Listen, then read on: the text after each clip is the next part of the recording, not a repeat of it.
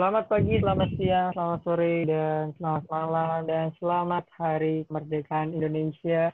Para pendengar baru-baruku, kembali lagi di podcast Plus 62 with me, your host, your legitimate host actually, Raffi Rainur, akan kembali memandu kalian di podcast nasionalis. Apa sih uh, podcast yang uh, membawa unsur keindonesiaan di dalamnya. Karena gue rasa gue rasa tidak podcast yang bernama podcast gue lagi selain ini tapi sih tapi tidak sepopuler ini anjay. Uh, hari ini uh, gue tidak sendiri. Obviously seperti yang biasa ada di podcast ini gue tidak sendiri. I brought up some people. First one um, di podcast edisi spesial kemerdekaan di tag di hari kemerdekaan ini uh, gue bersama the one and only Jeremy Noel come back again. Hai Jer. Hai semuanya. Oke, okay, so, ya. Jeremy udah ada di episode di, ke di, terakhir lu ke, yang di mana deh Jer? Yang mana ya? Gue juga lupa. Pokoknya yang podcast tengah malam dua. Apa ya? Iya. Apa ya? Keadilan sosial sama apa tuh? Yang sebelumnya bahas, gue lupa. Bahas, iya. Ah iya keadilan sosial. Keadilan sosial dan new normal. Iya. Yeah. Right? Hmm. Kayaknya gitu deh. Oke. Okay. And coming for the first time in plus 62, um, a warm welcome untuk Shen India, aka Ken. Hai, Ken. Halo, first time nih gue. Hai. Iya, first time. Sebelumnya memang Ken suka memberikan insight-insight yang bagus pada gue, jadi kayaknya udah saatnya untuk mengundang dan untuk berada di podcast ini. So um, uh, hari ini kita akan karena edisi spesial kemerdekaan ya, jadi kayaknya kita harus membahas yang something that really related to apa yang terjadi di hari ini. Walau ini naiknya tidak di hari kemerdekaan, tapi still uh, suasana kemerdekaan tetap harus ada, walaupun itu tidak ada di tanggal 17 Agustus. Jadi uh, today kita akan bahas tentang um, anything about kemerdekaan, merdeka dan lain-lain, termasuk tentang kita memflashback dikit tentang apa yang terjadi di 75 tahun yang lalu, karena tahun 1945 itu adalah tahun yang sebenarnya peristiwa cukup banyak ya sih? Kayak hmm. peristiwa hmm. di hall, nggak cuma di Indonesia aja sih sebenarnya, peristiwa di belahan dunia lain tuh kayak berbagai macam di tahun 1945. Uh, eh, sebelum kita ke topik, mungkin gue mau nanya ke kalian, mungkin ke Jeremy dulu. Kejadian tahun 1945 aside di samping proklamasi ya, lu hmm. bisa sebutkan peristiwa apa aja sih? Yang menurut lu tuh yang menurut lu yang memorable untuk lu 75 tahun yang lalu apa? 1945 ya? Iya. Hmm, anything, anything. Um, Perang dunia dua eh, sih? Amerika ini salah satu yang membuka uh, jalan untuk Indonesia merdeka. Waktu itu Amerika naruh bom di Hiroshima dan Nagasaki Jepang. Jepang, nah, Jepang akhirnya nyerah sama sekutu. Di Indonesia terjadi uh, kekosongan kekuasaan kan. Nah itu kan yang akhirnya membuka jalan bagi Indonesia untuk merdeka yang diperakasai oleh kaum muda pada saat itu kan. Itu sih Alright. peran kaum muda yang yang berpengaruh lah dan berdampak. Oke, okay. salah satu peristiwa yang cukup ini sih uh, memorable nggak cuma untuk orang Indonesia kan itu membuka jalan, tapi untuk uh, ini juga untuk seluruh belahan dunia karena itu kayaknya memulai untuk mengakhiri perang dunia kedua ya nggak sih? Karena kan itu... kayaknya setelah kekalahan Jepang kayak iya. selesai perang dunia itu it's over right? Hmm. uh, Ken peristiwa apa yang menurut lo sangat memorable 75 tahun yang lalu? Gue tadi dengar Jeremy proklamasi ya? Iya iya. Gue tadi dengar Jeremy ngebahas masalah Jepang. Itu bentar deh jadi itu perang dunia dua apa udah mau masuk perang dingin sih yang Jepang ditaruh bom gitu perang dunia kedua uh, mau berakhir kalau nggak salah. Perang dingin Perang itu dunia kedua. Perang dingin dingin setelah itu perang dunia dua setelah kan? perang dunia dingin dua. Iya. Perang dingin itu Iya, nggak setelah nggak nggak senjata senjataan. Gue sebenarnya tuh ada catatan sejarah sih. Tapi gue kayaknya nggak bakal buka di sini itu kayak kurang tertarik juga gak sih kalau ngebahas teori banget. Tapi banyak banget sih dari seluruh penjuru dunia kejadian-kejadian kayak gitu. Apalagi eh, perang tuh belum selesai ya kan. Tapi gue eh, denger Jeremy ngomongin masalah Jepang, gue tuh juga keinget beberapa omongan dari orang-orang yang gue nggak tahu nih mereka pernah belajar sejarah apa enggak, yang bilang kalau Indonesia tuh eh, bisa merdeka cuma karena lagi hoki aja Jepangnya kalah gitu. Oh, Gue sering dengar omongan iya. itu. Dan itu menurut gue Eh, stupid aja sih. Apalagi gue waktu itu inget banget kita kita dulu semester satu sekelas nih gak sih? Terus waktu itu salah satu orang ada yang bilang kalau Indonesia tuh merdeka karena dijanjiin sama Jepang gitu. Karena hadiah dari Jepang. Itu gue nggak ngerti dia belajar sejarah dari mana. Tapi gue mau ngasih tahu di sini. Kalau Indonesia itu berjuang itu dari pergerakan daerah yang kecil gitu ya. Sampai ke skala pergerakan nasional. Dari kaum muda sama kaum tuanya itu bikin semacam organisasi yang nggak cuma untuk menseja- mensejahterakan rakyat-rakyat Indonesia, pribumi itu waktu itu sebutannya, yang waktu itu masih apa ya sengsara gara-gara dijajah sama eh, Belanda terus kemudian dijajah Jepang. Dan gue rasa itu bukan dan kalau misalnya bangsa Indonesia merdeka dibilangi hoki itu salah besar sih. Nggak mungkin berjuang sampai segitu panjangnya segitu besarnya itu dibilang hoki gitu. Gue dan dan kita juga eh, merdeka bukan karena dikasih atau dihadiahi gitu. Karena kita berjuangin sendiri gitu kan. Ya, buat betul, apa ada betul. peristiwa Reng Rengas Dengklok? Dan itu gimana ya? Gue Yap. nggak ngerti dah orang-orang tuh belajar sejarah dari mana anjir. Apa emang guru sejarahnya yang salah ngajarin gitu. Itu sih. Jadi gue mau menjelaskan kalau kita merdeka karena perjuangan kita sendiri. Bukan hoki lah ya. Bukan Hmm. hoki ya ya I get it. tapi kalau soal itu jujur gue tidak pernah mendengar ada orang yang bilang seperti itu sih. Kalau kalau dari selama hidup gue untungnya tidak ada yang pernah di depan muka gue ngomong tahu nggak sih kita merdeka tuh karena sejauh ini belum sih. Kalau kalau ada ya udah pasti gue akan bilang eh, untuk untuk untuk untuk say no untuk hal itu. Karena ya tiga setengah abad right kita dijajah sama Belanda dan tiga setengah tahun dengan Jepang.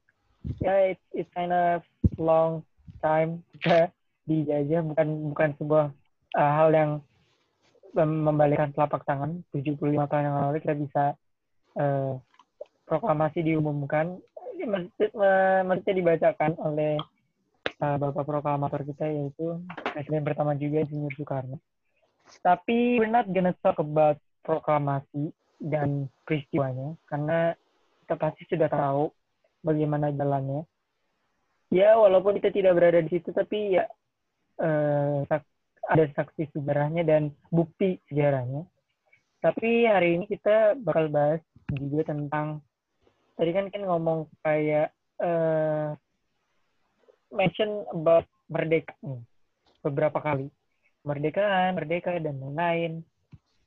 Eh, according to both of you, menurut kalian, sebenarnya opini pribadi juga nggak apa-apa. Eh, mungkin ke Jamie lagi. Lu mengartikan arti kata merdeka itu apa? Um, kalau yang ada di definisi gua sih merdeka itu keadaan em, keadaan di mana kita atau seseorang gitu eh, bisa bebas untuk menentukan nasibnya sendiri tanpa eh, tanpa adanya paksaan dari orang lain. Itu. Oke. Dan arti merdeka secara luas untuk Hmm, nggak jauh sih. Pasti eh, kebebasan untuk memilih kehidupan dia sendiri gitu. Kalau dalam berpakat eh, suatu negara dapat menentukan kebebasan yang eh, untuk apa? Menentukan nasib bangsanya sendiri. Untuk individu juga begitu nggak jauh beda. Oleh secara cara buat lu sendiri itu tidak enggak enggak enggak sejauh itu. Tapi untuk lu Ken, apakah Iya. lu ada opini yang berbeda dengan Jeremy tentang kemerdekaan lebih sama? kurang lebih sebenarnya sama sih kayak Jeremy. Tapi menurut gue eh, selain dari mengatur ke- kebebasan mau- untuk memilih nasib sebuah negara eh, atas kekuasaan yang dimiliki sama negara tersebut, apa pun itu ya harus disertai dengan tanggung jawab gitu. Kemerdekaan itu eh, adalah sebuah hak buat ngelakuin apa aja yang si negara itu mau gitu. Yang pasti negara kan diatur sama pemerintah ya kan.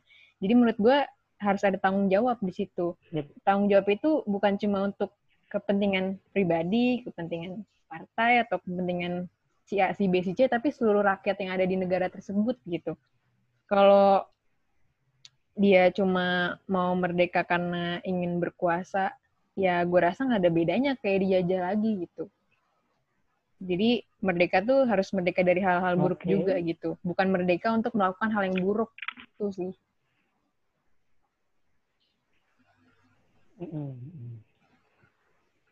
Apakah potensi kita apa ya? Tadi kan tuh sempat mention apa bedanya kayak kita dia dan dia. Eh sekarang ini kita ini udah merdeka atau belum merdeka? Siapa nih? Ken duluan. Lo kan? Gue. Sekarang ini kita udah merdeka atau belum gitu? Mm-mm. Ya secara kedaulatan udah ya. Secara Iya. Apakah merdeka? Ah. Ya, tapi ada beberapa hal yang emang kita belum mandiri gitu. Sebenarnya bukan masalah udah merdeka atau belum sih. Yang bikin kita kelihatan kayak belum merdeka tuh eh, kita masih kurang mandiri gitu. Ya nggak? Kayak contohnya, em, mandiri itu maksudnya yang kayak gimana? mandiri itu kayak kita tuh eh, contohnya dari ekspor ya.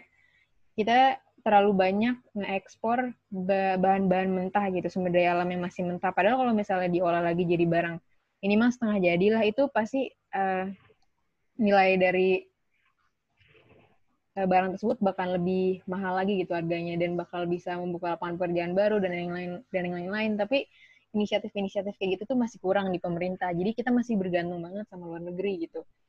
Sampai kemarin gue bikin apa KTI tentang ekspor nikel tuh eh, baru tanggal 2020 2019 akhir gitu Jokowi baru punya inisiatif buat em, nikelnya tuh baru bisa diekspor kalau udah diolah jadi barang setengah jadi atau barang jadi kayak gitu. Jadi mandirinya dalam hal kayak gitu sih. Tapi dalam hal lain juga gitu. Mungkin em, 75 tahun merdeka itu mungkin masih termasuk maksudnya baru lah ya untuk negara yang baru merdeka karena kan Iya. ada negara-negara lain yang udah ratusan tahun merdeka gitu. Amerika Serikat aja udah berapa ratus tahun dia udah merdeka kan. Em, mungkin Iya. menurut gua itu satu-satu sih. Em, beban untuk membenahi setiap permasalahan yang ada itu nggak bisa kan nggak bisa langsung blok langsung gitu ya. Tapi eh, kita menurut gua lihat dari progresnya aja sih. Dari 1945 sampai sekarang itu mungkin belum banyak mak- maksudnya bukan belum banyak mungkin belum baik banget tapi setidaknya kan ada progres di situ ya Eh, Iya. kalau dari misalnya dari Ken bilang kita belum eh, mandiri misalnya dalam bidang ekspor misalnya Eh, mungkin mungkin ya ini menurut gue pribadi sih Ray. kita Iya, itu iya. di tahun 2000-an ke atas ini kan udah mulai terke udah mulai ada yang namanya globalisasi gitu kan di mana ada perdagangan bebas gitu free trade um, Yep. ada liberal- liberalisasi di bidang ekonomi gitu di mana semua negara pasti bekerja sama. Nah kenapa kita ekspor? Eh misalnya kita bukan kita ekspor kita impor kebutuhan-kebutuhan yang mungkin di dalam negeri kita punya komoditas itu nih. Eh, mungkin karena kita belum bisa ngolahnya. Nah itu kan berarti kita kita yang jadi PR kita mungkin kita dapat membenahi nih di bidang sumber dayanya gimana caranya agar uh, penduduk-penduduk Indonesia bisa nih punya punya modal lah punya kemampuan untuk mengolah sumber daya alam yang ada. Nah, di situ berarti uh, kita harus mungkin lebih membenahi lagi di bidang pendidikan agar agar kualitas hidupnya lebih meningkat misalnya gitu. Sebetulnya gue juga kalau masalah impor sih gue sebetulnya nggak terlalu nggak terlalu apa ya nggak terlalu kalau menurut gue ya gue sendiri nggak terlalu mempermasalahkan hal itu gitu. Karena um, semua negara semuanya pasti di, di zaman globalisasi ini bakal melakukan free trade sih. Itu sih menurut gue deh perdagangan bebas. Hmm. btw gue mau uh, kalau sedikit masuk gue maksud gue tadi. Kenapa? Uh, kalau maksud gue gini loh, kita bisa dapetin keuntungan yang lebih aja gitu. Kalau kita bisa ngolah sumber daya alam kita tanpa harus tanpa gimana ya, tanpa jual mentahnya aja gitu. Jadi gue juga nggak masalah kalau kita impor atau ekspor. Gue ngerti kenapa itu terjadi. Cuma maksud gue kalau daya jualnya bisa dinaikin lagi tuh kenapa enggak gitu loh. Jadi harusnya hmm. di situ sih. Terus kalau nah, ya kalau iya, itu menurut gue ya itu lagi balik lagi uh, kita harus memajukan sumber daya manusia yang ada di Indonesia supaya supaya kita bisa nih uh, orang-orang di Indonesia bisa mengelola bahan uh, komoditas-komoditas yang ada di Indonesia ini dengan baik gitu kan. Jadi kita nggak maksudnya yang kayak lu bilang kan tadi apa uh, nggak jual mentahnya aja kan gitu ya? Iya gak sih? Iya. Yeah. Nah itu berarti sumber daya manusianya kita harus tingkatin lagi agar orang Indonesia bisa mampu mengolah mengolah sumber daya alam yang ada di Indonesia ini sendiri gitu sih. Oke. Okay. Um, tadi lu mention globalisasi, sama misalkan. Um, menurut gue ini adalah ini lucu ya. Um, globalisasi ini di satu sisi membuka dunia pada dunia yang berbeda.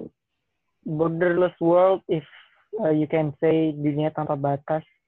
But in the other hand, di sisi lain globalisasi itu terkadang memunculkan apa ya banyak narasi-narasi yang menyebutkan bahwa uh, kita dijajah lagi lewat globalisasi. What do you think there? dengan narasi yang seperti itu, statement-statement yeah. seperti itu? Sering Apakah kita dijajah lagi dengan apa ya? Dengan adanya globalisasi ini kita sebenarnya hidup di dunia yang tanpa batas, tapi apakah itu juga kita membuat kita kemerdekaan kita hmm, di apa ya hmm, kayak dijajah lagi dalam bentuk kain. Hmm. Oh, ini gue dulu ya? Iya. Yeah. Oh. Iya, ya. Um, mungkin karena orang bilangnya globalisasi, uh, bilang uh, gimana sih orang bilang globalisasi itu menjajah kita dengan dengan cara yang lain itu kan karena misalnya mereka bilang uh, contohnya uh, yang sering sensitif uh, masalahnya akhir-akhir ini tentang misalnya investasi asing misalnya kan pemilik modal dari negara yep. lain nanam di Indonesia gitu. Um, globalisasi itu kan memang dia membuka ruang bagi liberalisasi ekonomi. Dia membuka kesempatan bagi setiap orang untuk bersaing di di pasar gitu ya untuk mencari keuntungan sebanyak-banyaknya. Nah, tapi menurut gua kalau misalnya tentang misalnya dijajah dengan cara lain, um, gimana ya? Gue juga bingung juga sih ngejelasinnya nih. Kalau yang ada di opini gue sih, justru dengan dengan adanya globalisasi ini kan semua orang punya kesempatan nih, lu punya inovasi baru, lu bisa jual ide lu ke pasar, terus lu bisa buat sesuatu yang bagus lagi. Nah, dengan cara lain, eh, dengan cara itu, lu bisa menyebarkan ide lu nih, lu bisa ada modal di negara lain juga. Menurut gue sih, itu itu menurut gue sih sesuatu yang yang biasa aja sih kalau gue ngelihatnya gitu ya. Oke, mungkin uh, banyak yang bilang bahwa nanti uh, misalnya dari tapi dengan begitu banyak masyarakat kita yang misalnya contohnya um, pekerja kelas pekerja misalnya ter apa tertindas karena misalnya mereka nggak maksudnya mereka nggak punya kesempatan lah dalam tanda kutip untuk ikut berpartisipasi gitu. Nah kalau menurut gue sih itu mungkin perlu diskusi lebih lanjut sih antara antara yang punya modal sama sama kelas pekerjanya gitu. Menurut gue bisa sih suatu perusahaan dia mencari keuntungan juga tanpa misalnya eh, ngorba, ngorbanin kelas pekerjanya. Menurut gue sih itu masih bisa tapi tapi dengan ya dengan dialog sih menurut gue caranya kalau gitu. Oke okay. um, enough. Um, benar sih hal-hal hal, itu karena emang um, kadang harusnya juga tidak uh, berat sebelah. Tapi kalau gue nanyakan uh, mungkin lebih ke tadi Jeremy ngomong mungkin sekarang kita perginya ke arah kultur hmm. dan budaya. Kultur itu budaya sih. Eh, tapi... uh, ke arah kultur, ke arah hmm. bagaimana? Kenapa? Identitas kenapa? nasional gitu maksudnya. Ah iya, yeah, that's it. Agak I love that word. Um, lebih ke situ sih. Ke apakah globalisasi ini semakin lama, aside of dari yang tadi bilang, which is true, huge true bener-bener bener bener-bener bener gitu. Uh, menurut lu kan apakah globalisasi ini membuat identitas sosial identitas nasional kita luntur? Set ini pertanyaan lu udah kayak ujian pancasila anjir. Ya I mean lebih ke, apa, lebih ke gini sih. Apakah ya, globalisasi ini bisa bisa nah. menghilangkan identitas nasional bangsa kita Ya, sip, sip. Kalau menurut gue, semua tuh kembali ke orangnya juga sih. Gimana ya? Awal dari perjuangan sebuah negara untuk menjadi negara yang maju, nggak maksud gue bukan maju yang kan Indonesia sekarang di ini gak sih? Kalau Jeremy mana sih? Jer kan katanya Oi. masuk ke daftar negara maju kan sama Amerika. Itu um, gimana? dari Amerika. Kalau dalam aslinya itu gue nggak tahu dah. Nah iya maksud gue yang sesungguhnya lah maksudnya. Jadi menurut gua Indonesia masih berkembang tapi menuju ke arah maju. Jadi bukan okay. bukan yang menengah ke bawah tapi yeah. menengah ke atas gitu. Alright, alright. Tapi menurut gua globalisasi yeah. tidak melunturkan okay. identitas nasional sih. Asal globalisasi itu di bisa diarahkan ke hal-hal yang baik gitu. Karena kalau kayak sisi positifnya ya dari globalisasi kita bisa ngikutin perkembangan zaman, kita bisa tahu apa yang ada di luar sana tanpa harus ke tempat itu langsung gitu. Jadi kayak lu bisa menjelajahi waktu, menjelajahi tempat gitu. Cuma dengan lu buka handphone aja, ya nggak sih? Jadi ya. menurut gue itu bisa membuat pekerjaan dan apa pun tuh jadi lebih efektif gitu. Tapi ya balik sendiri kalau misalnya globalisasi malah jatuhnya jadi uh, menghancurkan identitas nasional, ya memangnya tergantung apa yang dilakuin oleh si orang itu gitu sampai bisa kayak gitu. Contohnya kan mungkin uh, kayak masuknya budaya-budaya asing gitu. Kayak gitu kan maksud tuh? Ya. Iya. Iya, mungkin bisa masuk juga. Uh. Kalau gue gue sebenarnya bingung itu kan sih bisa kemungkinan besar untuk uh. untuk hal itu kan bisa kemungkinan besar untuk apa ya? Misalnya uh, gue, misalnya gue uh, gue suka kultur Amerika. Misalnya dan hmm. itu masuk karena globalisasi salah satunya. Uh, kalau misalnya gue merasa kultur ini jauh lebih baik daripada kultur yang kita miliki kan semakin lama gue semakin apa ya semakin uh, menjadi orang yang Amerika sekali in in a world. Gitu sih. Menurut lu gimana? Hal itu kan bisa terjadi Ya itu sih, itu yang jadi masalah yang dari tadi gue juga pikirin pas lo nanya kayak gitu, gue mikir ke situ sih sebenarnya. Kayak contohnya orang-orang yang suka Jepang atau suka Korea atau suka Amerika kayak tadi, terus dia akhirnya ngerasa, oh gue kayak lebih nyaman deh dengan budayanya mereka yang kayak gini gitu daripada budaya di negara gue sendiri.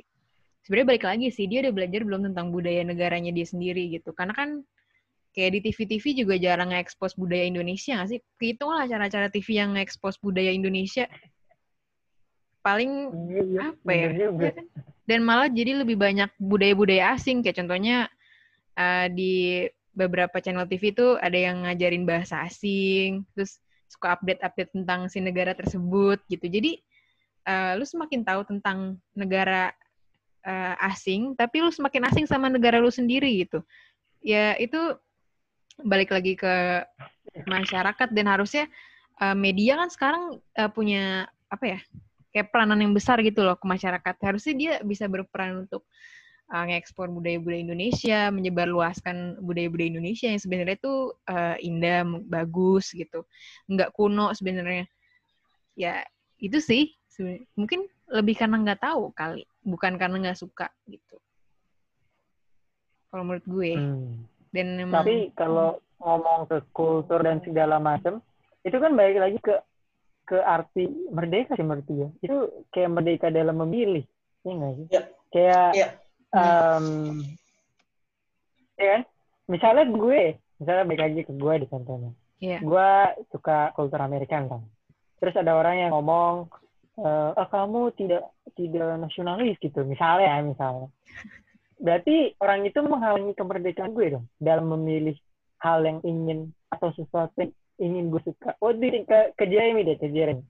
Uh, misalnya gue yang kayak tadi gue ceritain berarti orang itu berusaha menghalangi kemerdekaan gue dong. Tapi di sisi lain bisa jadi identitas nasional gue luntur gitu.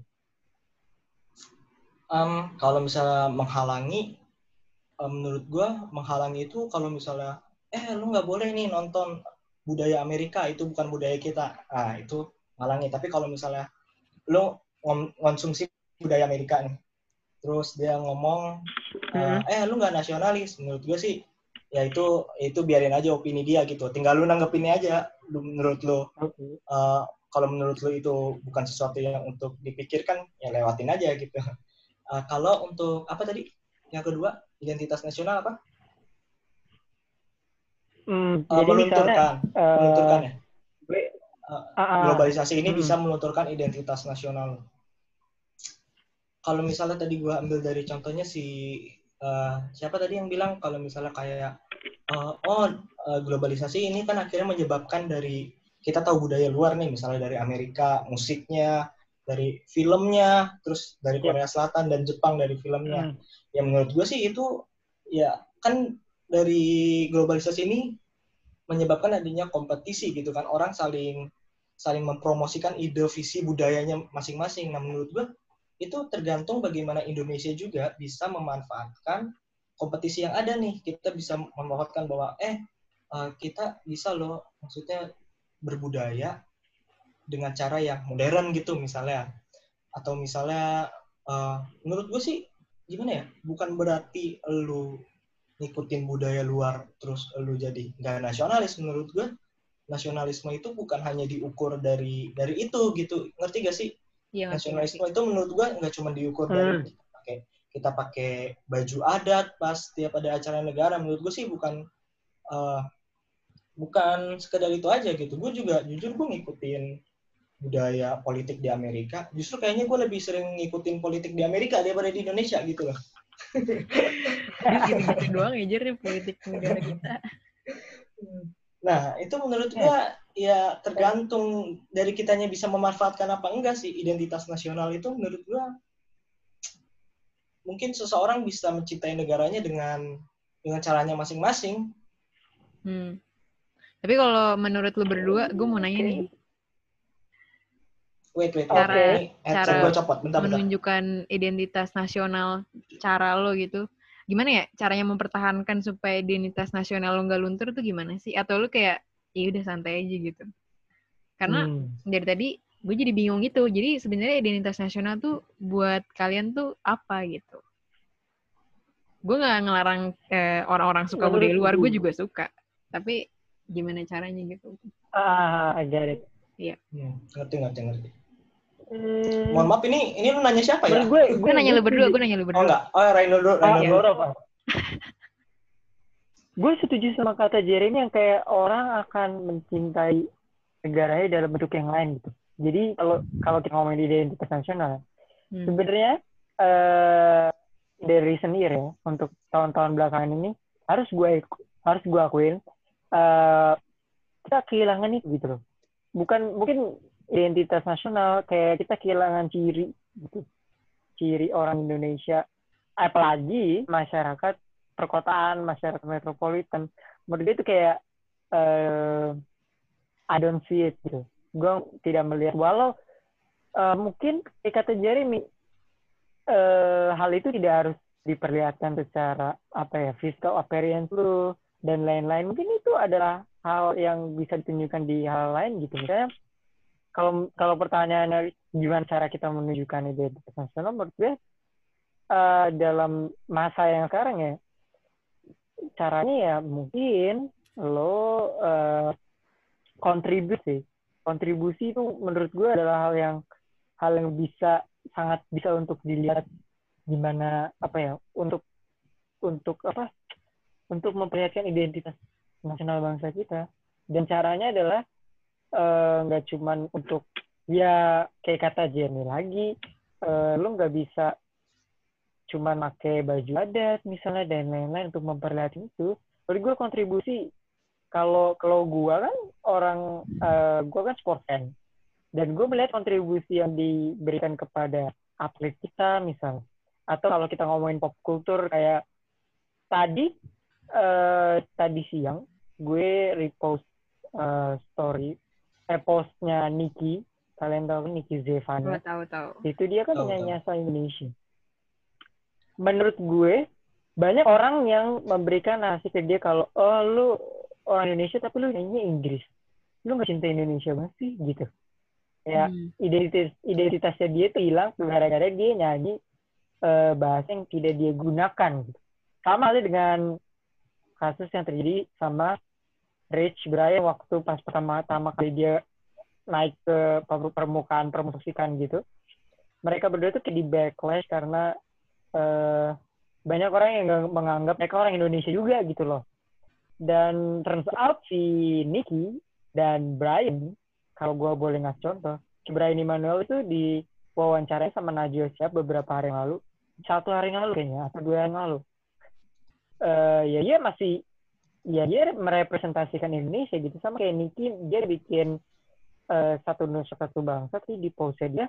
Dan menurut gue ya itu balik lagi kayak lu merepresent your country itu lebih daripada orang-orang yang bilang bahwa identitas nasional kita tuh hilang gitu. Jadi menurut gue kontribusi kepada negara itu hal yang paling penting untuk menunjukkan atau tidak melunturkan identitas nasional gue.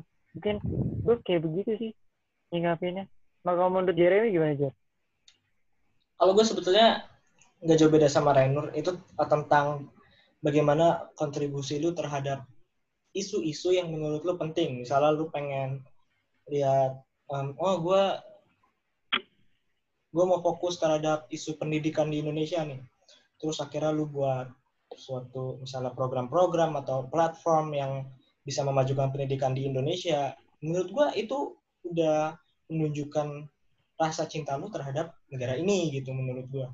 Uh, dengan misalnya lu ingin misalnya mau membenahi politik Indonesia, lu masuk partai politik, lu berjuang buat masuk ke uh, Dewan Perwakilan, terus lu merepresentasikan suara masyarakat, menurut gue itu udah cara-cara uh, bagaimana lu bisa mempresentasikan eh mempresentasikan bagaimana lu bisa uh, memperlihatkan memperlihatkan rasa cinta okay. lu terhadap negara ini. Nah, kalau masalah identitas itu juga identitas nasional menurut gua itu gue setuju sama Ken. Itu balik lagi ke masing-masing individu sih.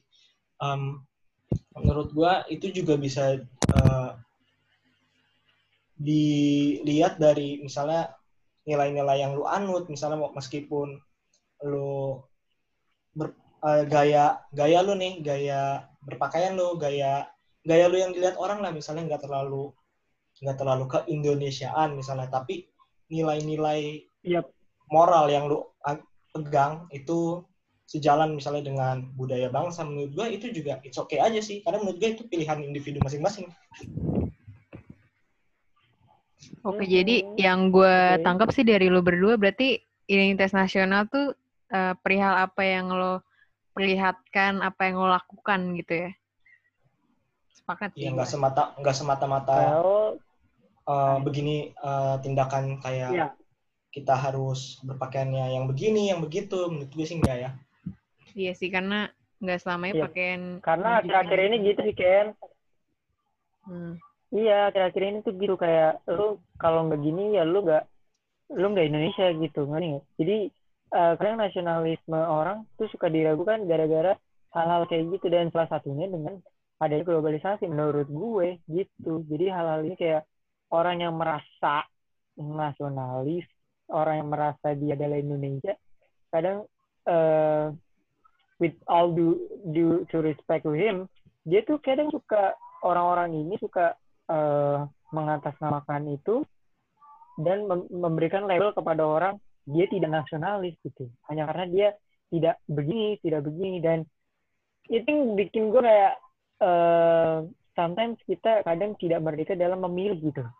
Hmm. bukan berarti gue memilih untuk negara lain ya. Itu kan ya itu yeah. itu itu hal yang lain itu hak yang itu hak yang lain. Tapi gue lebih ke concern ke hal ini gitu. Mereka dalam memilih memilih dalam hal uh, lu mau nasional dalam bentuk apa atau lu memilih dalam hal apa pun gitu ya. Termasuk uh, hal yang pen, paling gue concernin adalah misalnya memilih uh, calon presiden misalnya tahun wow. lalu gue not kita nggak bakal ngomongin tentang siapa dan yeah. siapa ya tapi hmm. gue memilih siapa itu seakan-akan gue kayak belum nggak boleh milih ini takut ini karena menurut gue uh, memilih dan dalam kasusnya adalah memilih ini ya pemimpin jadi itu adalah opini masing-masing kata Jeremy itu tergantung masing-masing mau memilih apa dan di this case adalah calon presiden dan kayak yeah.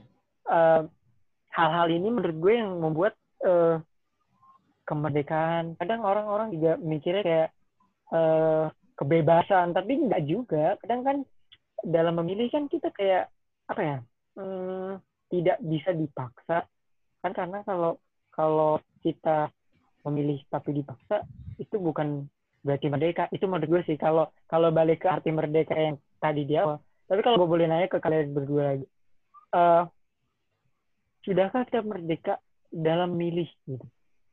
Ken mungkin. Gue gue gitu. dulu. Dalam memilih. memilih dalam dalam hal apa pun ya. Hmm. terserah dalam terserah lu me, me, mengartikan apa ya memilih dalam hal apa pun memilih dalam uh, pendidikan ke atau budaya ke atau apa pun seperti itu. Kalau menurut gue untuk uh, kemerdekaan dalam memilih uh, udah ada sih. Hal itu udah ada gitu. Tapi uh, apakah udah sempurna uh, gue nggak tahu gitu. Kayaknya sih belum. Karena beberapa orang kan uh, dihakimi karena pilihan-pilihan mereka yang berbeda gitu. Kayak contohnya tadi lu ngasih contoh dengan pemilu tahun lalu ya kan? Kok bisa jadi kebelah jadi dua Indonesia uh, jadi satu kubu dua gitu kan? Itu hmm. aneh gitu. Yes, kayak di mana tuh? Wah nggak tahu deh tuh. Terus gue gitu juga deh. mau ya, bilang kalau gitu terus gue juga mau bilang kalau kemerdekaan itu tuh uh, bisa lo tunjukin dan lo bisa berkontribusi dengan bangsa tuh dalam hal apa pun gitu kayak contohnya lo bekerja di kantor walaupun gak ada hubungannya sama uh, nasional-nasionalis gitu tapi lo kan bisa uh, menggenjot uh, ekonomi negara gitu. Jadi itu menurut gue salah satu kontribusi juga gak sih? Jadi nggak harus yang berbau politik gitu, karena orang kayak pandangannya uh, yang nasionalis itu cuma yang ada di politik doang gitu.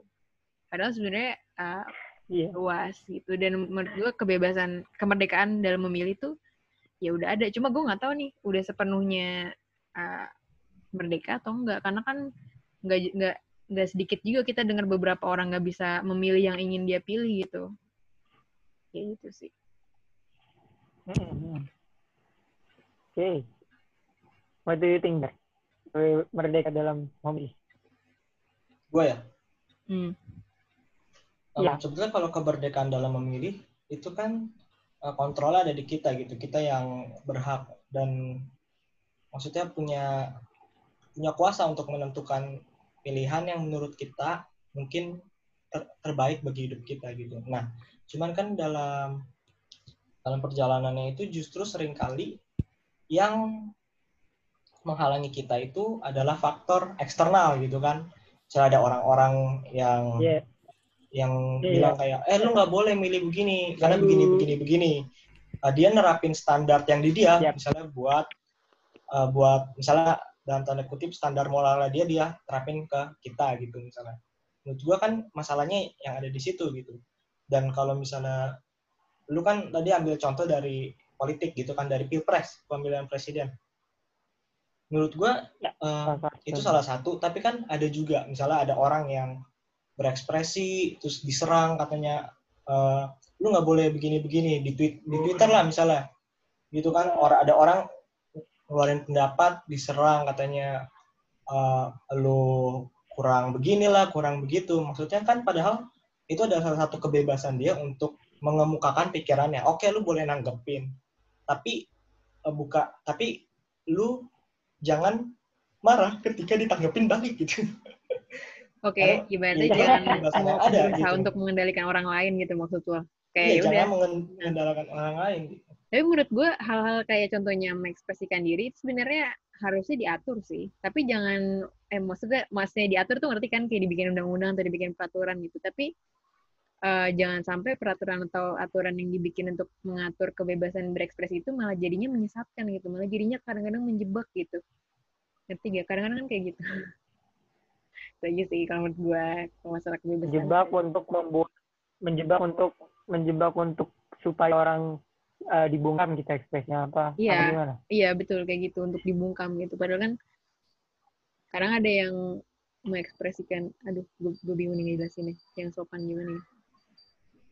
Ya, aduh, aduh, aduh, itu deh pokoknya. Ini harus sopan sopan Ya maksudnya, oke em, Mungkin eh, maksudkan itu kalau misalnya kayak ada orang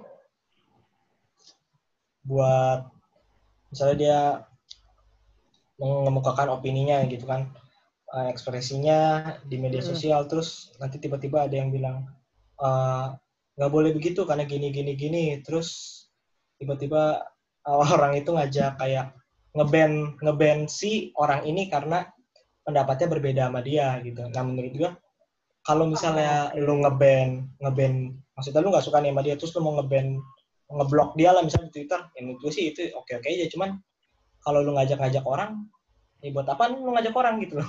Orang masalahnya ada di lu gitu. ya jadi kayak itu dia. sedikit-sedikit lapor gak sih? Iya, apalagi yang sedikit-sedikit lapor. hmm, ya ya sedikit sedikit lapor heeh. Sorry tadi gue Iya. gak nemuin contoh yang pas. Lanjut karena lanjut. ada kayak kayak undang-undang kayak undang-undang yang yang ada kan misalnya kayak ITE dan lain-lain itu kan masih masih apa ya masih menurut gue masih eh, karet nggak bisa dibilang karet juga sih kadang masih nggak nentu nah tadi lu sempat singgung kebebasan berpendapat berpendapat berekspresi dan lain-lain menurut gue ini adalah salah satu hal yang menurut gue masih belum bisa dibilang oke. Kalau di sosial media lu bisa bebas berpendapat but when it comes to masuknya ke ranah hukum gue gue merasa kayak eh, kebebasan berpendapat ini ada apa ya ada yang rem gitu. Ada yang ada yang mengatur dan segala macam. Ke Jeremy mungkin. Eh sudahkah kita ber- merdeka dalam berpendapat? Em, mungkin kebebasan berpendapat kita itu masih belum dalam tanda kutip belum sempurna dan belum bisa berjalan dengan semestinya. Gitu sih itu aja menurut gue ya karena ya yang yang, tadi balik itu kayak gimana? balik karena lu apa? Balik karena lu kayak misalnya ada orang eh, yang yang tadi kali lu kasih contoh apa sorry awal? Hmm. yang apa tuh? Yang yang atau yang gue suka tentang budaya-budaya itu? Ya itulah pokoknya yang kedua itu misalnya ada orang oke. perbedaan politiknya lu lu misalnya nggak setuju sama dia terus lu jelek-jelekin dia menurut gua ya itu buat apa gitu itu aja sih. Maksudnya emang sih itu dalam ranah kebebasan berpendapat juga. Cuman menurut gua meskipun itu dalam Hmm. ranah kebebasan berpendapat tapi nggak semua yang jelek harus kita lakuin kan? Gitu. Hmm. oke. Nah, solusinya oke. sih menurut gua Lebih solusinya ke- solusinya ya gue kurang tahu juga sih. Gue nggak terlalu tahu pasal-pasal yang ada di yang mengatur tentang kebebasan berpendapat apakah misalnya itu justru pendapat mengekang kebebasan berpendapat atau misalnya sebetulnya udah bagus tapi ada ya ada oknum oknum tertentu nah itu gue nggak tahu gitu. tapi menurut gue sih ya masih masih kurang masih kurang kebebasan berpendapat di sini oke eh, ke Ken Kalau semua apa? kalau kita ngomongin kebebasan berpendapat ya Hmm. menurut lu apakah semua orang bebas untuk berpendapat like whole people in this country ya di negara ini gue yakin sih semua orang punya kayak atau cuma sama orang-orang tertentu aja Iya, semuanya punya semuanya punya hak buat berpendapat gitu. Tapi kayak tadi Jeremy bilang gitu, tergantung gimana cara lo milih pendapat yang bener gitu untuk lo ikuti gitu. Karena eh, semua orang sekarang punya sosial media dari kalangan anak muda sampai orang tua, semuanya punya sosial media. Eh, gue waktu itu diskusi sama Hana, justru, ha, eh sorry gue nyebut nama nih nggak apa ya. justru dia punya tanggapan yang nggak apa-apa. beda masalah kebebasan berpendapat. Tadi Jeremy bilang masih kurang. Sementara gue inget banget sih temen gue ini bilang malah kebebasan berpendapat di negara kita tuh udah terlalu bebas gitu. Mungkin karena faktor euforia eh, era reformasi gitu. Karena kan waktu era di sebelumnya eh, kebebasan berpendapat itu dikekang habis-habisan kan. Terus tiba-tiba era reformasi, jadi orang-orang eh, langsung deh gitu. Eh, pendapatnya macem-macem gitu. Dan semua orang itu kan eh, Indonesia kan eh, ber- berusaha untuk memeratakan pembangunan pendidikan, tapi kan di awal kayak Jeremy bilang ah, itu butuh waktu yang lama gitu dan 75 tahun kita merdeka juga masih belum cukup gitu. Jadi eh, kalau misalnya ada pendapat orang yang salah, ya itu wajar mungkin karena emang ah, sorry to say ya pendidikannya kurang atau gimana atau mungkin dia emang enggak eh, itu bukan bidang yang ahlinya dia gitu atau dia cuma masyarakat awam gitu. Kebebasan berpendapat tuh hak semua orang gitu. Tapi bener atau enggak pendapatnya itu masyarakat harus pinter-pinter memilih gitu. Kadang-kadang Yap. orang Yap. dengan kekuasaan, dengan uang, dengan ketenaran, mereka bisa berpendapat sesuka mereka dan itu diikutin sama banyak masyarakat. Sebenarnya ini tuh problem yang gue bisa Hmm. sambung-sambungin ke semua hal gitu. Kayak contohnya eh, pendidikan, terus kesejahteraan masyarakat. Masyarakat yang gak sejahtera tuh mudah percaya sama harapan-harapan yang dikasih gitu sama orang lain atau mudah percaya dengan narasi-narasi yang sebenarnya belum dia tahu itu benar apa enggak gitu. Jadi kalau masyarakat eh, nggak bisa memilah berita dengan baik, ya itu masalahnya menjalur ke mana-mana ke ekonomi, ke kesejahteraan, ke pendidikan gitu. Mungkin karena dia nggak sejahtera, dia nggak dapat pendidikan yang cukup, jadi dia nggak bisa, jadi literasinya buruk dan nggak bisa uh, pilih-pilih pendapat gitu. Itu sih gitu. Jadi uh, Hmm. kebebasan berpendapat tuh hak semua orang kalau menurut gua. Oke.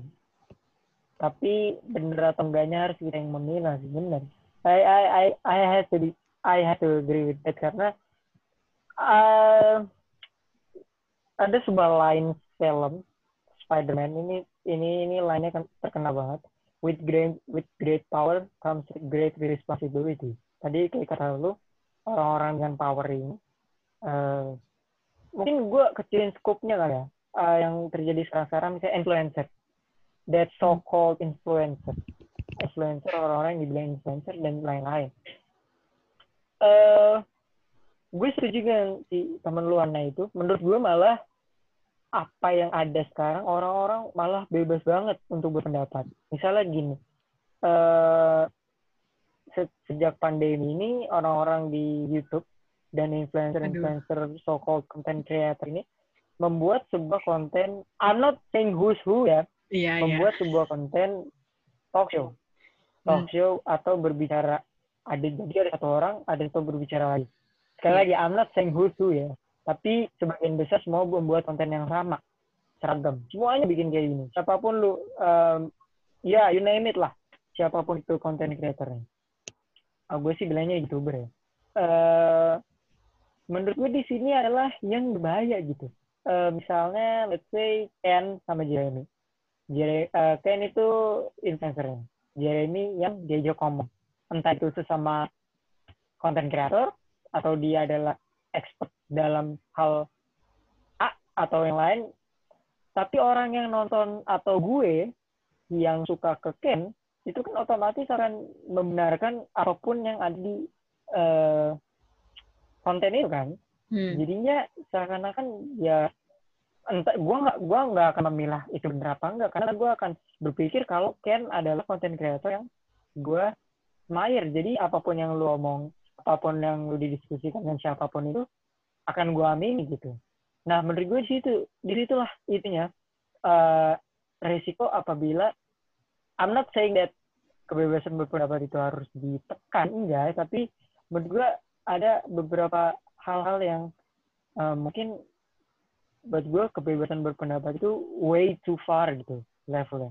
Kayak misalnya yang terjadi kemarin tentang eh, obat COVID itu, itu kan eh, menurut gue orang, or- menurut gue orang nggak apa-apa untuk untuk nggak percaya sama COVID. Tapi yang salah adalah ketika lo memberikan false information. Menurut gue itu sih, itu yang membuat gue kenapa menurut gue kebebasan berpendapat itu masih belum bisa diimplement di negara kita karena banyak orang yang ketika dikasih lahan Hmm. istilahnya lu malah memberikan false information gitu kayak misalnya ya balik lagi. Gue nggak apa-apa dengan seseorang yang misalnya Jeremy. Jeremy nggak suka eh Jeremy nggak setuju nih sama covid. Ya gue apa apa sih. Gue tetap berteman dengan dia. Tapi ketika dia membe- memberikan false information tapi di sisi lain gue malah setuju itu kan berdampak buruk kepada orang. Makanya kan gue bilang tadi kayak with great power comes great responsibility. Dengan kekuatan yang besar datanglah tanggung jawab yang besar gitu. Menurut lo ini kita masih ngomongin ranah yang sama ya? Menurut lo eh, apakah orang-orang ini kita again kita kecil skopnya ya Hmm. konten kreator deh kita ngomong. Karena kan menurut gue I- in this recent time in this part of the time mungkin orang yang gampang untuk di look up adalah orang-orang ini ya kan? Kita again we're not saying who's who ya. Menurut kalian ke Ken dulu terus ke Jeremy.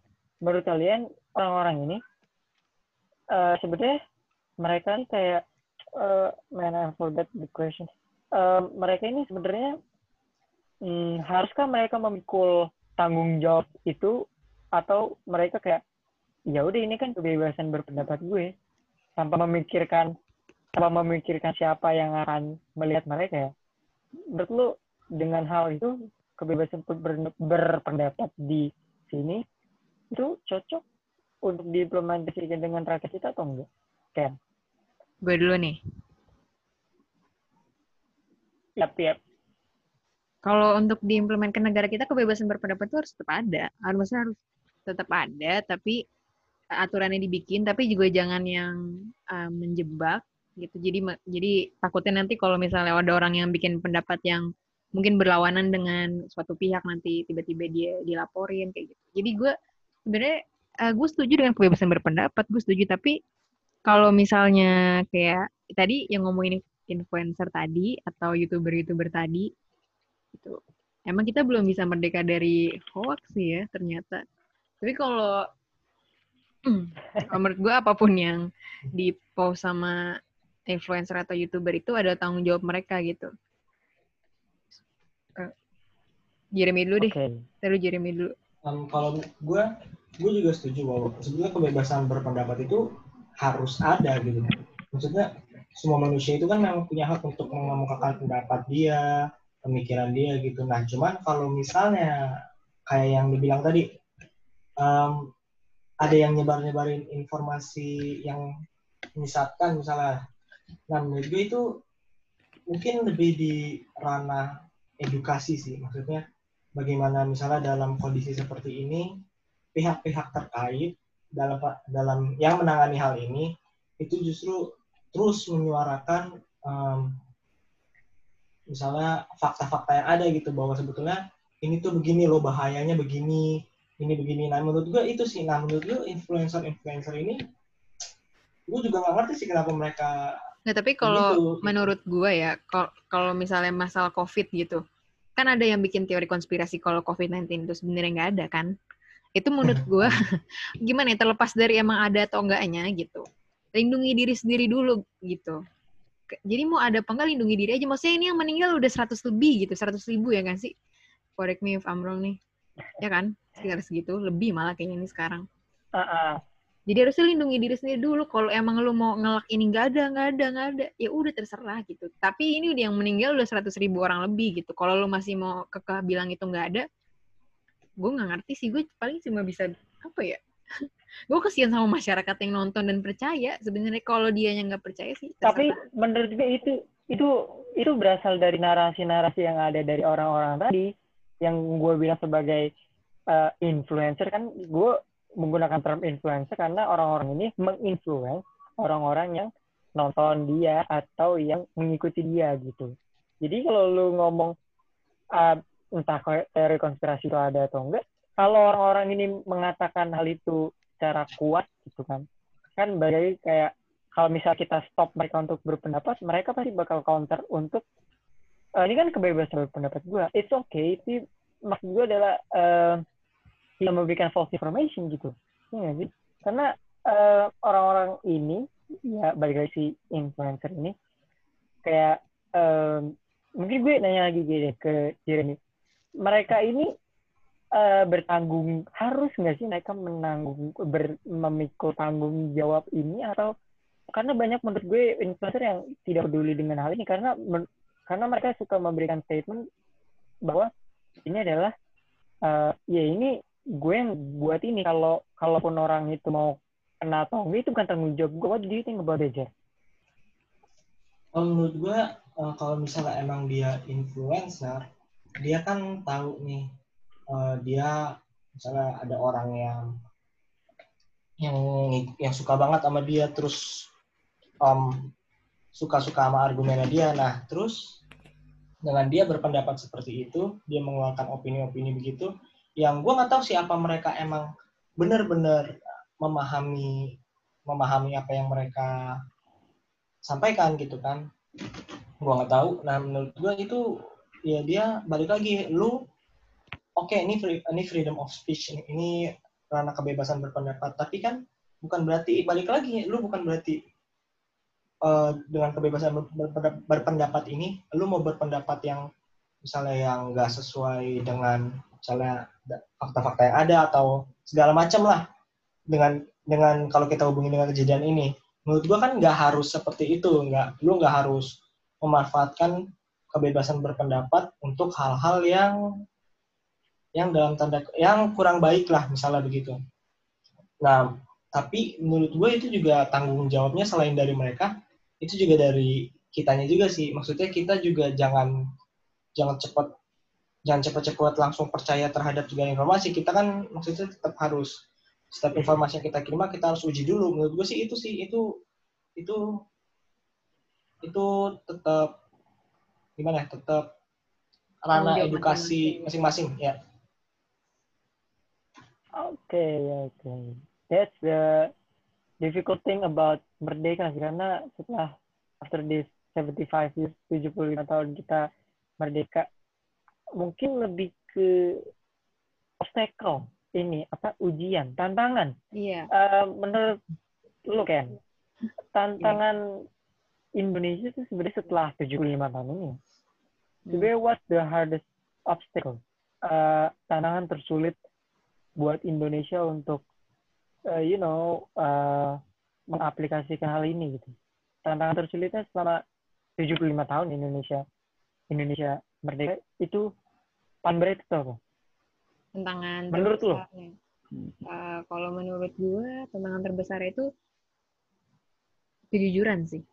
Sebenarnya itu hal yang ini satu kata dong kejujuran apaan sih kan? Ya tapi jujur itu penting gitu karena kebohongan-kebohongan itu contohnya bisa menyebabkan kebodohan. Kayak tadi kayak berita hoax terus dia bikin acara-acara palsu tuh di YouTube sama narasumber yang tidak jelas. Gue nggak menyindir siapa pun tapi kalau ada yang ngerasa ya gue minta maaf deh. Tapi hal-hal ini iya, kejujur ini kebohongan-kebohongan ini sih membawa kebodohan membawa kerugian juga karena kan koruptor juga berbohong kan pasti. Kayak gitu. Padahal sebenarnya dari segala macam yang Indonesia punya sumber daya alamnya kebudayaannya terus persatuannya kita ini bisa aja jadi negara maju gitu kan. Maksudnya nggak maksudnya gimana ya? Kayak majunya tuh ngerti kan maksud gue bukan yang itu. Ah, iya, iya, tadi. Kayak gitu sih. Obstacle pertama itu. Dan pemerataan uh, pembangunan pendidikan semuanya. Kayak gitu sih ini sih kayaknya sih uh, bisa gue bilang pemenuhan sila kelima Indonesia keadilan sosial bagi seluruh rakyat Indonesia. Kalau misalnya itu bisa dipenuhi kayaknya um, obstacle-obstacle-nya bisa lah dibabat gitu dihabisin. Tapi salah satu obstacle lagi menurut gue itu kesempatan sih. Kesempatan juga termasuk obstacle karena nggak semua orang punya kesempatan yang sama gitu. Apalagi orang-orang yang punya privilege orang-orang yang yang misalnya dia jat misalnya dia manjat nih ke gunung terus dia jatuh ada yang nangkep gitu. Tapi kan ada juga orang yang misalnya manjat gunung dia jatuh udah jatuh aja langsung ke dasar. Langsung patah tulangnya semuanya ngerti nggak maksud gue ada ada dua orang yang beda gitu di dunia ini kayak gitu. Okay. tapi ya gue yakin setiap orang punya jalan hidupnya masing-masing punya kesempatan. Jadi hal-hal kayak gitu uh, gue rasa bisa lah kita lewatin bareng-bareng gitu gue nggak tahu sih ke depannya Indonesia ini bakalan kayak gimana dilihat dari keadaan yang sekarang gue rasa apa pun iya, obstacle-nya iya. ada jalan keluar nih kok iya iya iya harus setuju sama yang analogi gunung tadi sih malah ada yang belum mulai udah di atas gunung ada kan? Iya. Ada. Titik belum mulai orang tuh beda-beda. Siapa tuh? iya gitu. Jack, um, tantangan terbesar dari negara kita yang yang selama ini kayaknya belum teratasi. Sebenarnya nggak jauh beda amat kan sih tentang bagaimana kita memajuin sumber daya manusia kita gitu, terutama di bidang misalnya mental masyarakat ya, terus uh, pendidikan sih menurut gue itu penting sih bagi kelanjutan suatu bangsa gitu. Investasi di bidang pendidikan. Hmm. Indonesia tuh kayaknya harus pinter deh memanfaatkan. Karena menurut gue hmm. dengan dengan misalnya kita punya pendidikan yang maju, maka akhirnya semua orang tuh punya punya kesempatan yang lebih besar dalam memajukan memajukan apa ya? Memajukan kualitas hidupnya gitu sih. Ray. Oke. Okay. Iya, iya, iya, setuju, setuju. Tapi gue berharap sih ke depannya semua orang punya kesempatan yang sama sih. Walaupun titik mulainya tuh beda gitu. Ada yang mungkin dia karena iya, siapa. Maksudnya, iya, itu kan maksudnya gue setuju sama Ken sih, itu jalan hidup masing-masing gitu. Hmm. Uh, ada orang yang lahir dari keluarga ini, maksudnya kan bukan salah dia juga, dia lahir yeah. dari keluarga yang misalnya kaya banget, atau misalnya oh, yeah, ya, menengah, itu kan yeah. bukan salah dia gitu. Menurut gue sih, ya bagaimana karena gue uh, itu kan kontrol juga ada di kita gitu nah bagaimana kita semuanya ya uh, apa ya gimana ya? Gue ngomongin juga bingung nih. Bagaimana caranya supaya kita semua tuh bisa memanfaatkan yang ada gitu. memanfaatkan gitu. kesempatan yang ada untuk memajukan kualitas hidup kita. Iya betul. Kesempatan menurut gue pasti ada bakal selalu ada. Karena orang yang maksudnya dia lahir dari keluarga ini ini ini kalau dia nggak bisa memanfaatkan kesempatannya dengan baik pun menurut gua percuma gitu kan kan semua orang yang di atas pun nggak maksudnya nggak tiba-tiba di atas gitu. Pasti mereka juga banyak yang dari usaha dari kecil begini begini begini. Uh, usaha mereka berhasil mereka di atas gitu kan. Itu kan menurut gua kesempatannya pasti ada aja. Benar-benar kesempatan seseorang emang beda-beda. Karena ya gue gue harus setuju dengan uh, ya itu kan salah dia untuk untuk berada di mana. Kita di analogi yang gunung itu suka banget kan uh, orang bisa memulai dari bawah ya kan? Dari dasar. Ada yang emang udah manjat ada yang tiba-tiba ya udah udah berada di pucuk gunung itu kan? Beda-beda. Tadi tadi lu nyinggung tentang ini guys mentalitas. Hmm. uh, unik karena menurut gue um, gue nggak tahu mentalitas bangsa especially uh, manusia yang ada di Indonesia itu ada di mana gitu um, mungkin ke Ken karena tema dari ini mana kemerdekaan kita kan Indonesia maju hmm. menurut gue kalau mau maju itu harus berhubungan dengan uh, seberapa besar mentalitas bangsa kita menurut dari yang lu lihat selama lu about 18, 19 sampai 20 tahun lu hidup, mentalitas bangsa kita tuh ada di mana? Masyarakat, sorry, masyarakat bangsa kita tuh di mana? Kalau menurut gue sekarang ada di mana masyarakat itu ya kita dia balik lagi ke individu masing-masing. Semua orang punya titik mulai yang berbeda. Ada yang benar-benar dari ya tadi misalnya pakai analogi gunung itu ada yang dia benar-benar manjat tuh dari bawah banget gitu. Ada yang menerusin pas tengah-tengah ada yang udah nyampe di puncak malah ya kan? Jadi itu tergantung orangnya gitu. Tapi kalau menurut Yep. gue kita nih secara keseluruhan ya eh, secara individu dalam bernegara ya menurut gue proses ini kita masih dalam proses gitu jadi kita belum gagal dan masih panjang gitu proses kita buat jadi Indonesia maju gitu Jer, eh, mungkin sembari tenung mungkin eh lu lihat seberapa Oh. em, di mana dan seberapa besar mentalitas bangsa kita, masyarakat. mungkin kalau misalnya masyarakat satu Indonesia gue nggak tahu itu kan musim juga gitu. Cuman kan ada orang-orang yang misalnya mentalnya maksudnya kayak ya dikit-dikit nyalain orang gitu. Maksudnya dia nggak mau mengin, menginstropek men, mengintrospek apa sih? Mengins meng, mengintrospeksi. dirinya. Ah. In, in, instro intro. Tes tes. Ya, gue udah kan, balik intro- belum? Introspeksi. iya. Oh, udah, udah Ken, udah Ken. Udah Oke, kan? lanjut ya. Nah, itu bagaimana caranya agar ya maksudnya eh, kita dapat dapat menginovasi diri kita lebih baik lagi gitu tanpa harus menyalahkan misalnya dikit-dikit maksudnya dikit-dikit menyalahkan keadaan di sekitar gitu. Menurut gua maju itu dimulai dari diri sendiri sih bagaimana lu mengolah diri lu dengan baik. Uh, semua usaha lu menurut gua pasti bakal ada hasil ya sih menurut gua itu. Iya iya itu. Sama gue juga tadi mau ngelanjutin yang tadi eh, individu itu eh, berperan penting. Gue tuh sering banget ya dengerin orang-orang ngomong kayak gini kalau yaudah apa pun yang gue lakuin asalkan itu nggak ngerugiin orang lain ya nggak masalah gitu. Tanpa sadar kalau hal-hal yang dilakuin tuh kadang-kadang ngerugiin orang lain juga tapi secara nggak langsung gitu.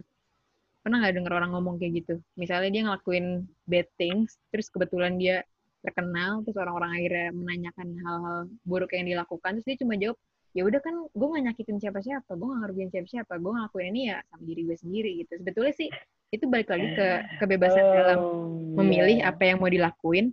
Tapi sebagai gimana ya manusia per individu itu ibaratkan sel-sel yang menyusun bangsa gitu. Jadi kalau lu ngelakuin hal yang salah lu bisa ngerusak bangsa itu gitu. Ngerti gak? karena misalnya kayak ada satu sel yang buruk gitu di dalam tubuh bangsa itu bisa ngerusak aja gitu menurut gue jadi kalau misalnya ada orang yang bilang ya udah kan gue ngelakuin hal buruk ini ya buat diri gue sendiri gitu gue kan gak ngerugiin orang lain sebenarnya secara nggak langsung lu merugikan gitu tapi kalau gue misalnya ngeliat orang yang ngelakuin hal yang buruk, gue introspeksi diri juga gitu. Apakah gue emang udah ngelakuin hal yang baik gitu? Apakah gue bener-bener gak melakukan hal yang buruk sampai gue harus sibuk ngurusin kehidupan orang? Kayak gitu. Kayak tadi Jeremy bilang, introspeksi Hmm. diri juga penting gitu. Begitu sih. Gue dari gue. itulah masalahnya. Nggak ada yang mau introspeksi diri teman-teman gitu. Jadi kayak eh, budaya blaming itu menyalah-nyalahi itu adalah sebuah budaya yang sangat kita sekali gitu. Sangat Indonesia sekali. I mean uh, not gonna lie karena gue kadang-kadang sih. Kadang uh, kerap kali melakukan itu gitu. Kayak pembenaran uh, melindungi diri sendiri itu kadang alamiah tapi Hmm. Uh, again uh, lu sebagai manusia kan juga harus uh, tidak tidak tidak gimana ya? Kayak yang tadi uh, kan gue ngelakuin ini ya gue nggak ngerugiin siapa siapa ya belum tentu itu. Apalagi lo adalah orang dengan um, orang dengan influence yang besar ya kan? Kalau lu melakukan sesuatu tapi tidak merugikan orang lain menurut gue itu tidak mungkin terjadi. Eh, BTW, kalau kalau kalau dari pertanyaan tadi Mek, itu eh, pertanyaan yang pahlawan Kenapa? proklamasi paling underrated, itu udah lu kumpulin? Ah ya, I, I, I have one. Ada beberapa lah. Sip, sip. Ada beberapa. Nah itu kita sekarang mas. Oh ya sebelum sebelum ke situ, sebelum ke situ. Eh, harapan kalian untuk kita nggak usah ngomong Indonesia 25 tahun, 35 tahun. Mungkin kita dari jangka pendek dulu kali ya. Kalau ketika lu berhasil eh, jangka pendek tuh udah udah di nail it, gue yakin jangka panjang bisa. Harapan kalian dari Ken ke Jeremy juga. Terus mungkin ke gue. Harapan lu untuk Indonesia ke depannya. Gak usah kita ngomong 25 tahun, mungkin 10 5 tahun depan? Ken. Harapan gue untuk Indonesia semoga uh, pemerataan apa pun itu dari pembangunan, infrastruktur, uh, pendidikan atau apa pun itulah uh, itu bisa secara merata dirasain oleh seluruh rakyat Indonesia. Dari wilayah pusat kota sampai wilayah terluar terujung itu bisa ngerasain gitu. Dan harapan gue juga besar banget sama pendidikan. Karena menurut gue pendidikan itu adalah senjatanya man manusia untuk uh, apa ya untuk ya udah melakukan apa yang dia inginkan gitu. Untuk bekerja untuk ya melawan apa yang dia mau gitu. Maksud gue melawan tuh ini loh apa kayak semua orang tuh kan punya battle-nya masing-masing gitu. Untuk ada di battle itu lo butuh senjata gitu. Senjata lo tuh pendidikan menurut gue jadi gue berharap banyak dengan pendidikan. Gue juga pengen uh, wilayah-wilayah yang terluar gitu. Itu bisa kayak contohnya ya pokoknya di ujung-ujung deh.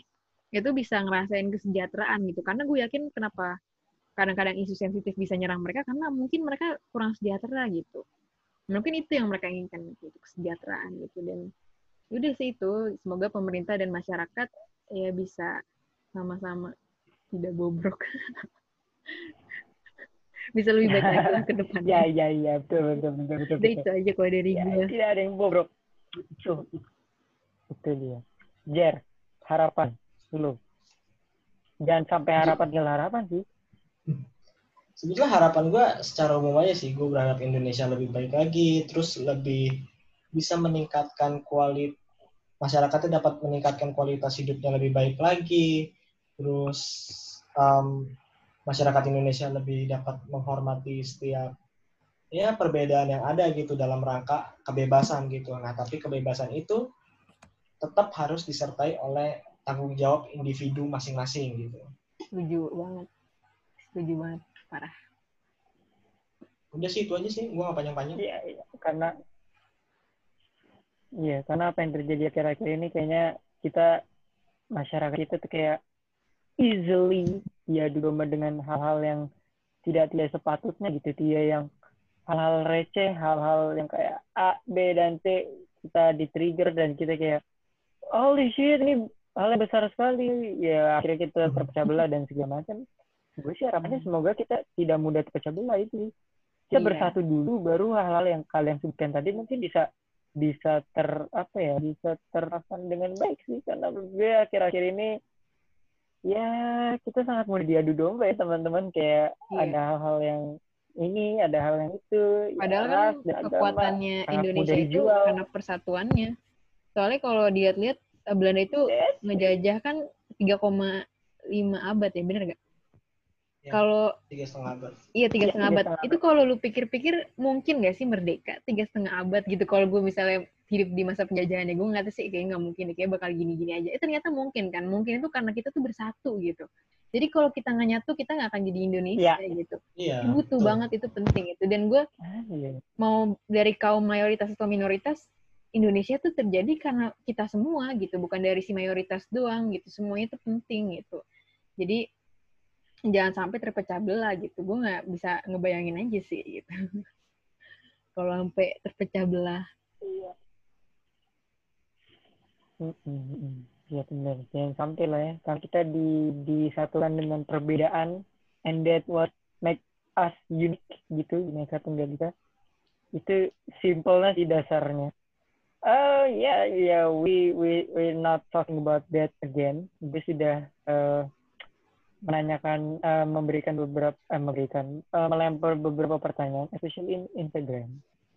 Uh, karena gue orangnya basisnya adalah sports fan gue suka mendengar kalimat overrated and underrated. Tapi di sini gue nggak mau masukin overrated ya. Jadi ada dua pertanyaan uh, dua dua hal yang mungkin sangat sangat enak untuk didiskusin. Yang pertama itu ya baik lagi uh, selalu ada debat antara pahlawan proklamasi dan lain-lain. Tapi gue kayaknya unik kalau ngasih beberapa pertanyaan kayak pahlawan proklamasi paling underrated gitu. Karena akhir-akhir ini orang-orang anak uh, kota gitu suka menggunakan frase ini overrated dan underrated. Gue mah mungkin akan taruh kata underrated karena tidak ada pahlawan yang overrated ya semuanya uh, melakukan kerjanya dengan baik. Tapi kenapa gue tanya tentang itu karena gue merasa ada banyak ada beberapa pahlawan yang uh, apa ya mereka tidak mendapatkan uh, recognition atau penghargaan mereka harus dapatkan gitu. Tidak mendapatkan exposure yang sama dengan pahlawan yang lain. Walaupun dalam dalam beberapa case tentu ada beberapa pahlawan nasional yang perlu mendapatkan penghargaan tertinggi mungkin. For example uh, Insinyur Soekarno dan Muhammad Hatta udah pasti karena mereka bapak proklamator. Tapi maka menariknya adalah mereka dinobatkan sebagai proklamator di tahun 1990-an gitu. Jadi itu itu kan lim, hampir 50 tahun setelah merdeka gitu. Jadi it's it kinda weird thing. Tapi uh, kalau gue boleh tanya ke kalian, kalau di sini sih gue nanya di Instagram, itu ada beberapa yang jawab ya. Kayak ada beberapa misalnya Sultan Syarif, Sultan Syarif. Ada juga yang jawab Laksamana Maeda alasannya lucu sih. Laksamana Maeda coba lu jadi dia yang tiba-tiba digerebek pasukan Rengas Bengkok mikirin nyuguhin Soekarno tuh nyuguhin apa? It, it's kind of fun. Uh, kalau menurut kalian berdua siapa pahlawan Indonesia selama ya selama selama masa kemerdekaan ini yang paling apa underrated perannya? Dari Ken mungkin kalau gue nggak tahu ya ini underrated apa enggak kayaknya udah baik yang tahu sih uh, Sayu Timur. Iya, iya. Kalau menurut gue. Nah, iya. Iya ngetik loh. Gak maksud gue gini, kita nih, itu okay. dan, dan budayanya dia, mas, bukan budayanya dia, apa ya? Kegiatan ngetik, itu kan dia ngetik naskah uh, teks proklamasi itu kan kayak uh, beberapa jam sebelum proklamasi dibacain kan. Jadi kayak ibaratnya last minute deh, ya nggak sih? Bisa yeah. dibilang gitu kan? Iya. Yeah. Dan itu mirip sama kebiasaan orang Indonesia hmm, yang sekarang gitu. Jadi kayak apa-apa menurut gue tapi gue gue salut loh yes, dia bisa ngetik yes. segitu rapihnya gitu untuk di, bisa dibaca sama Pak Soekarno gitu sih. Soekarni juga Soekarni itu yang menyarankan okay. kalau uh, Pak Soekarno tanda tangan di teks proklamasi gitu kan kalau dia nggak ngomong gitu teks proklamasi nggak ditanda tangan sama Pak Soekarno lupa iya semuanya ngeklaim ya ntar ya untuk untuk teks itu ya yeah. ada teks so um, saya tim gitu jar who do you think? Gue nggak tahu sih, maksudnya underrated itu kan um, mungkin dalam di sini maksudnya kayak pahlawan yang jasanya cukup penting, tapi suka maksudnya suka di diremehin gitu kan uh, perannya dia gitu. Ya, um, gue kurang tahu sih mungkin baik itu ya, diremehin atau tidak dilihat. Hmm, kayak kurang dapat lah gitu kan. itulah kurang dapat kurang dapat. perhatian. Iya hmm, padahal sebenarnya uh, sama ya, pentingnya gitu. ya, ya, ya. mungkin itu masing-masing orang punya punya pandangan yang berbeda sih. Cuman kalau gue melihatnya sih um, sama kayak si Ken sih. Maksudnya uh, Sayuti Malik kita kan cuma tahu dia yang ngetik naskah proklamasi gitu kan. Tapi sebetulnya juga dia kan termasuk yep um, tokoh muda pada saat itu yang ikut mengaman yang ikut mengamankan Soekarno ke Rengas Dengklok agar tidak dipengaruhi oleh Jepang misalnya dalam dalam memutuskan kemerdekaan Indonesia gitu kan. Menurut gue itu kan juga ya dia juga berperan lah dalam dalam rangka untuk mewujudkan kemerdekaan Indonesia gitu loh. Menurut gue itu sih. Itu menurut gue um, bagaimana caranya supaya kita tuh bisa bisa melihat uh, hasil kerja mereka dari nggak dari satu satu landscape doang gitu tapi kita juga lihat bagaimana perjuangan dia iya. sebelumnya itu sih hmm. iya hmm. iya tapi di Instagram uh, ada lagi gak? So, mayoritas dari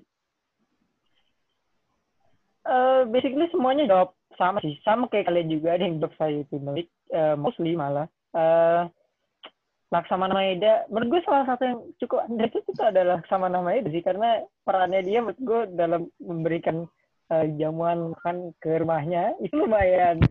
Kalau tidak karena beliau mungkin gue nggak tahu lagi deh bikinnya tuh di mana ya.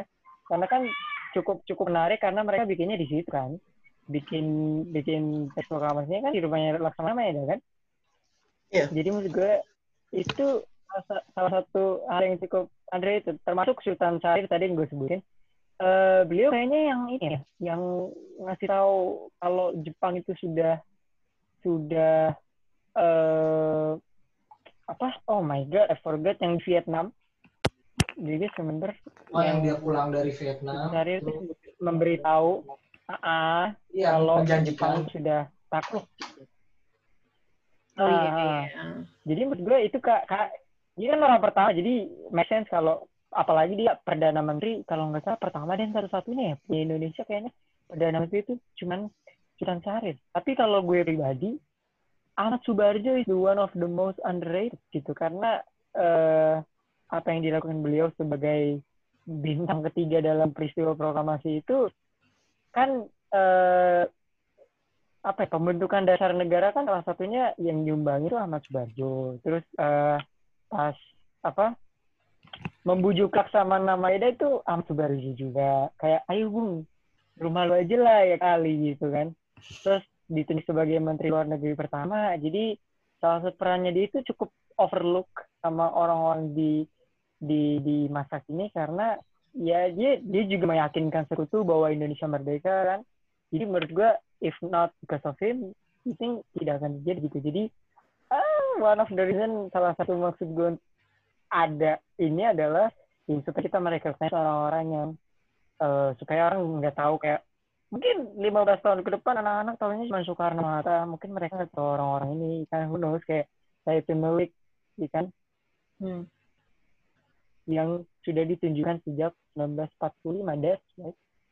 Jadi menurut gue so we got Sayuti Melik Ahmad Subarjo and Laksamana Maeda. Itu juga yang ada di di di di kolom pertanyaan gue sih. Jadi ya mungkin kita tahunya mereka. Tadi Soekarni ya, kayak lu sebutin beliau jadi he, he is Soekarni itu cowok, right?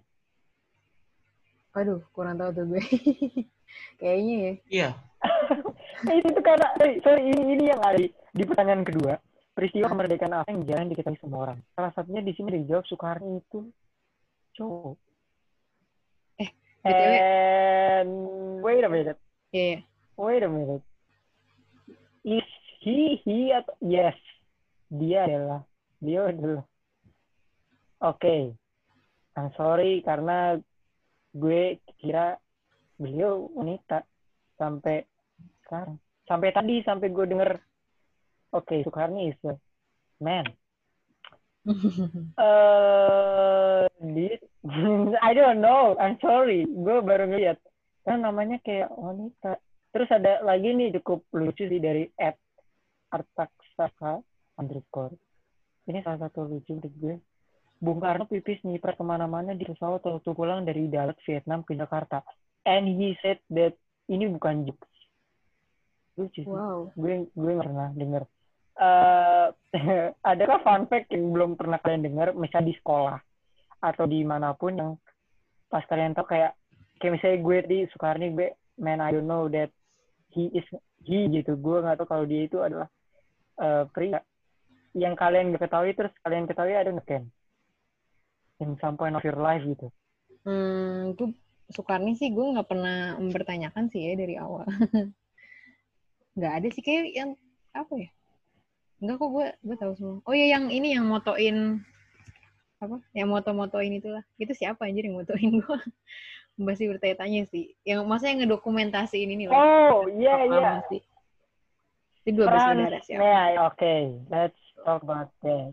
Nah, ini yang fotoin adalah adik kakak, yaitu ini gue sempat lihat di salah satu itu, jadi di lift kayak ada informasi infografis gitu. Jadi uh, in case you don't know it, itu kat, yang fotoin semuanya itu kat, adalah adik dan kakak, yaitu namanya Alex dan Franz Mendur. Gue gak tahu ya how to pronounce Mendur or Mendur. Eh, mereka berdua yang fotoin proklama Hmm. detik-detik proklamasi kayak foto upacaranya kan kalian lihat terus penga- eh, benderanya dinaikin sampai fotonya Soekarno. Sebenarnya fotonya lebih banyak, tapi yang ke cover itu cuman tiga ini. Cuman yang fotonya Soekarno sedang bacain proklamasi, upacaranya, upacara upacara proklamasinya itu sama bendera merah putih naik Ka- katanya itu foto yang recover karena Jepang berusaha untuk menghapus seluruh dokumen-dokumen yang ada selama proklamasi gitu kan. So Iya. it's Alex and Franz Mendur, tapi foto-foto yang foto-foto yang tersurface itu adalah fotonya Franz Mendur begitu. Itu Hmm. kamu nanya, saya tahu. Wow, wow, wow, wow, wow. That's it. Itu sih. Asli. Apa peristiwa yang tidak kamu ketahui? gue bingung sih maksudnya justru karena gue nggak tahu makanya gue nggak bisa nggak bisa ngejelasin gitu kan Eh, kalau untuk Oh iya, bener. Enggak, enggak. Maksudnya yang yang sempat lu nggak tahu, terus lu tahu gitu. Kalau untuk Soekarni yang Kayak cowok cowok itu gue emang udah tahu gitu nah kalau untuk yang foto yang lo bilang kameramen waktu kemerdekaan Hah? itu gue justru baru tahu hari ini iya Oke. sih udah sisanya gue bingung kamu tahu itu baik. Tapi kayaknya sisanya udah dijelasin lah ya, Iya, detailnya jelasnya. di buku sejarah gitu. Langsung ke pertanyaan kayaknya nih. Iya, of course. Gue nggak ada ini soalnya nggak ada. Iya, beberapa hal-hal yang betul. Hmm. Okay, so maybe that's all from us today. Uh, segala tentang kemerdekaan, kita ngomongin merdeka artinya dan lain-lain. Uh, termasuk merdeka dalam memilih dan merdeka dalam kebebasan berpendapat, mentalitas rakyat kita, dan beberapa fakta-fakta menarik dari hari ini. So, um, that's it from today. Uh, don't forget to follow at last 9, last 62 ID dan follow our Spotify too. Uh, so thank you for Shane India dan Jeremy to comment. Thank you juga Um, Rainur udah ngundang. Gue Riders. Yep, yep, yep. Maybe next time we can do it again. Um, thank you guys. Uh, gue Rainer sama Jeremy and Shane India. Thank you for listening. So bye, bye. See you again.